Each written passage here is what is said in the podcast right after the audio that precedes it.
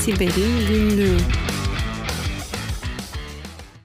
Siber'in Günlüğü'nden herkese merhaba ben Murat. Ben Kerem, merhaba. Kerem hoş geldin. Hangi haberi paylaşmak istiyorsun bu hafta? Ee, bugün FBI'dan gelen bir haber var. Onu paylaşmak istiyorum. Yaz aylarında hatırlarsan bolca fidye yazılım haberi paylaşmıştık. Neredeyse her hafta bir fidye saldırısı haberi çıkıyordu. Ee, bunların da en büyüğü Temmuz'un başında sanırım 2 Temmuz'da Rival isimli fidye yazılım grubunun yaptığı saldırı gündeme düşmüştü. Daha da spesifik bahsedersek Kaseya isimli yazılım şirketine sızmışlardı ve bu sızdıktan sonra bir tedarik zinciri saldırısı gerçekleştirerek Kaseya'nın bütün müşterilerine işte içinde açık olan yazılım yerleştirip bütün sistemlerini şifrelemişlerdi. Yüzlerce şirket bundan etkilenmişti dünyanın her yerinde. İşte bunu daha önceki haber, Temmuz ayındaki haberlerde zaten paylaşmıştık. Örnek olarak İsveç'te Coop e, market zinciri etkilenmişti. 700 e, tane sanırım butiklerini, dükkanlarını kapamak zorunda kalmışlardı. Bundan daha da vahime tabii ki işte okullar etkilendi, hastaneler etkilendi. Çok çok büyük etkisi oldu ve tartışıldı. Temmuz ayının sonlarında yani 21 Temmuz civarında kasaya nihayet eline deşifreleme anahtarının geçtiğini, FBI tarafından verildiğini açıkladı ve bu deşifreleme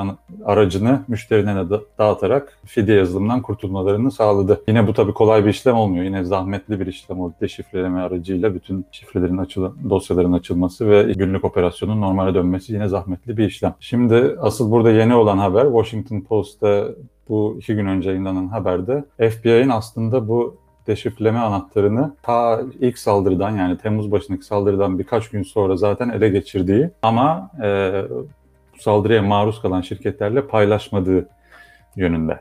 E, gerekçesi de yani kendi açıkladıkları gerekçe de biz aslında Rival e, Fidye yazılım grubuna karşı daha büyük bir saldırı operasyon planlıyorduk ve ama anahtarı dağıtsaydık bu ortaya çıkardı ve e, grubu yakalayamazdık şeklinde savunuyorlar. Bu aslında benim aklıma şey getirdi yani bunun çok örneği var tarihte. Hem siber dünyada da haber e, örneği var hem de işte 2. Dünya Savaşı'nda hatırlarsan Enigma'yı kırmıştı Alan Turing ve ekibi.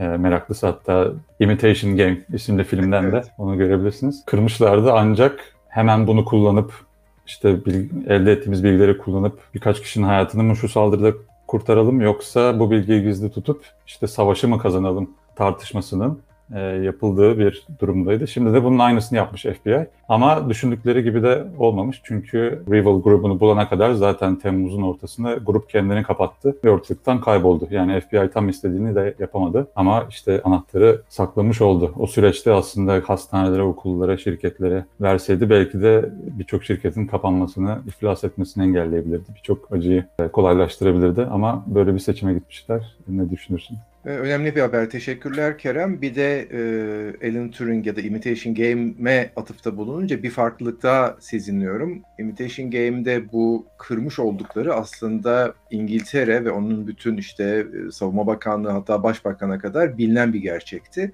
ve e, ülke genelinde alınan bir karardı. İşte e, bir iki deniz konvoyu Amerika'dan Avrupa'ya gelen yardım konvoyundaki gemileri kurtarmaktansa savaşı kazanacak esas büyük e, bilgileri elde etmek üzerine çok uğraşıyorlardı. E, ve hani o genel bir karardı. Oysa e, bu haberde anladığım kadarıyla aslında daha önceden Amerika'nın şu andaki başkanının e, Biden'ın bir kararı var. Diyor ki yani e, bizim önceliğimiz e, bu fidye saldırılarıyla savaşmak ve dolayısıyla da bir anahtar bulunduğu zaman bu anahtarın paylaşılmasının öncelik olacağını öngörüyorsun öyle değil mi? Ama tam da söylediğin gibi böyle olmamış. Üst seviyede farklı bir karar varken istihbarat örgütlerinde ya da bu tip saldırılarda daha aşağı seviyede verilen kararlarla aslında hem de sonucu kötü olmuş ama iyi olsaydı değişmezdi. Yukarıda başkan seviyesindeki kararı biraz aşmış oluyorsun. Belki de haber niteliğini daha da öne çıkartan bu. Ben de habere baktığımda şöyle ilginç bir şey daha gördüm. Bu arada Amerika'nın başkanı Biden da Rusya'ya, e, Putin'e e, bu konuyu da biraz bahane ederek zamanlama olarak da tam bu konunun üzerine işte her tür önlemi alacağız, gerekli her tür önlemi almak üzere güç kullanırız gibi de bir hafif bir tehditvari bir e, haber veriyor. Putin'den bir cevap yok şu ana kadar. Benim bu haftaki haberim e, aslında biraz buna da bağlayarak yola çıkacağım. Biliyorsun Türkiye'de e, çeşitli sebeplerle ama en çok da regülasyon sebepleriyle bulut kullanımı ne yazık ki oldukça düşük bir oranda gerçekleşiyor. Ama başka bir gözlemim de şu, e, bunun gibi fidye saldırılarına, az önce bahsettiğin gibi fidye saldırılarına kalan şirketlerde bulut kullanımına doğru da bir eğilim oluyor. Sanki bulut fidyeyi çözecekmiş gibi, bulut bütün siber saldırıları ortadan kaldıracakmış gibi bir e, yanlış kanıksama var. E, günün sonunda bulut da olsa bu bir e, bilişim teknolojisi ve e, bulut şirketinin güvenliği dışında kurumlar olarak bulutu kullanan kurumların da güvenlikle ilgili birçok sorumluluğu var. Bunlardan bir başka örnek Microsoft'un Azure e, bulut sisteminde e, biliyorsun sadece Windows sunucu kurmak zorunda değilsin. Linux sunucu da kurabilirsin. E, bunun için de e, bu sunucuları daha iyi yönetebilmek için bulutta Microsoft'un yarattığı kısa hali OMI olan Open Management Infrastructure dediği bir yapı var. OMI günün sonunda Linux'un üzerine yüklenen bir ufak yazılım. Biz isimli bir güvenlik şirketi e, bu yazılımı incelediği zaman dört tane büyük güvenlik açığı buluyor ve bu dört güvenlik açığı aslında uzaktan e, o sunucuya istek yollayabilen herhangi birinin ki bu sunucuların internete açık olacağını da çoğu zaman düşünürsek bunun üzerinden RC, Remote Code Execution ya da uzaktan komut çalıştırma dediğimiz işi yapıp o makineler üzerinde, o Linux makineler üzerinde istedikleri şeyleri yapabilmeleri anlamına da geliyor. Bu arada e, Omigad isimli bu zafiyet ya da bu e, kötüye kullanım senaryosu e, sadece bulut için geçerli değil. Microsoft'un e, şirket içindeki veri merkezlerinin yönetim tool'larında da aynı yazılım kullanılıyor. Şimdi bunun üzerine Microsoft'un ne yapmasını beklersin? Microsoft'un hemen bu e, açıkların olmadığı yeni bir sürümü yamayı yayınlamasını bekleriz öyle değil mi? Microsoft bunu yapmış durumda.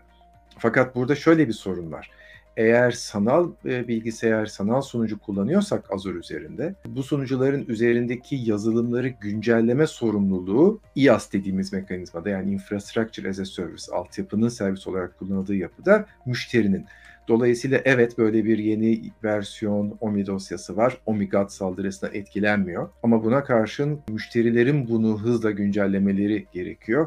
Ben de burada bu konunun özellikle altını çizmek istedim. Teşekkürler Murat. Ee, öncelikle yine çok etkileyici bir isim koymuşlar. Bu geleneği bozmamışlar. O yüzden tebrik etmek lazım. Ben de şunu düşünüyorum hani bu her ne kadar bu örnekte de gördüğümüz gibi CVE yani CVE skorlarının güvenlik açıkların güvenlik e, tehdit skorlarının çok yüksek olduğunu görsek de ben e, bulut dünyasında büyük sorumluluğum şirketlerde ve şirketlerin bu ortamdaki güvenlik ayarlarını nasıl yaptıkları konusunda olduğunu düşünüyorum. Kesinlikle öyle. E, bu haftalıkta bu kadar diyelim mi? Var mı başka eklemek istediğin bir şey? Yani? Diyelim. Ben de yok. Teşekkür ederim. Peki. Herkese sağlıklı, keyifli haftalar. Katıldığın için çok sağ ol Kerem. Haberleşmek üzere. Hoşçakalın. Görüşmek üzere.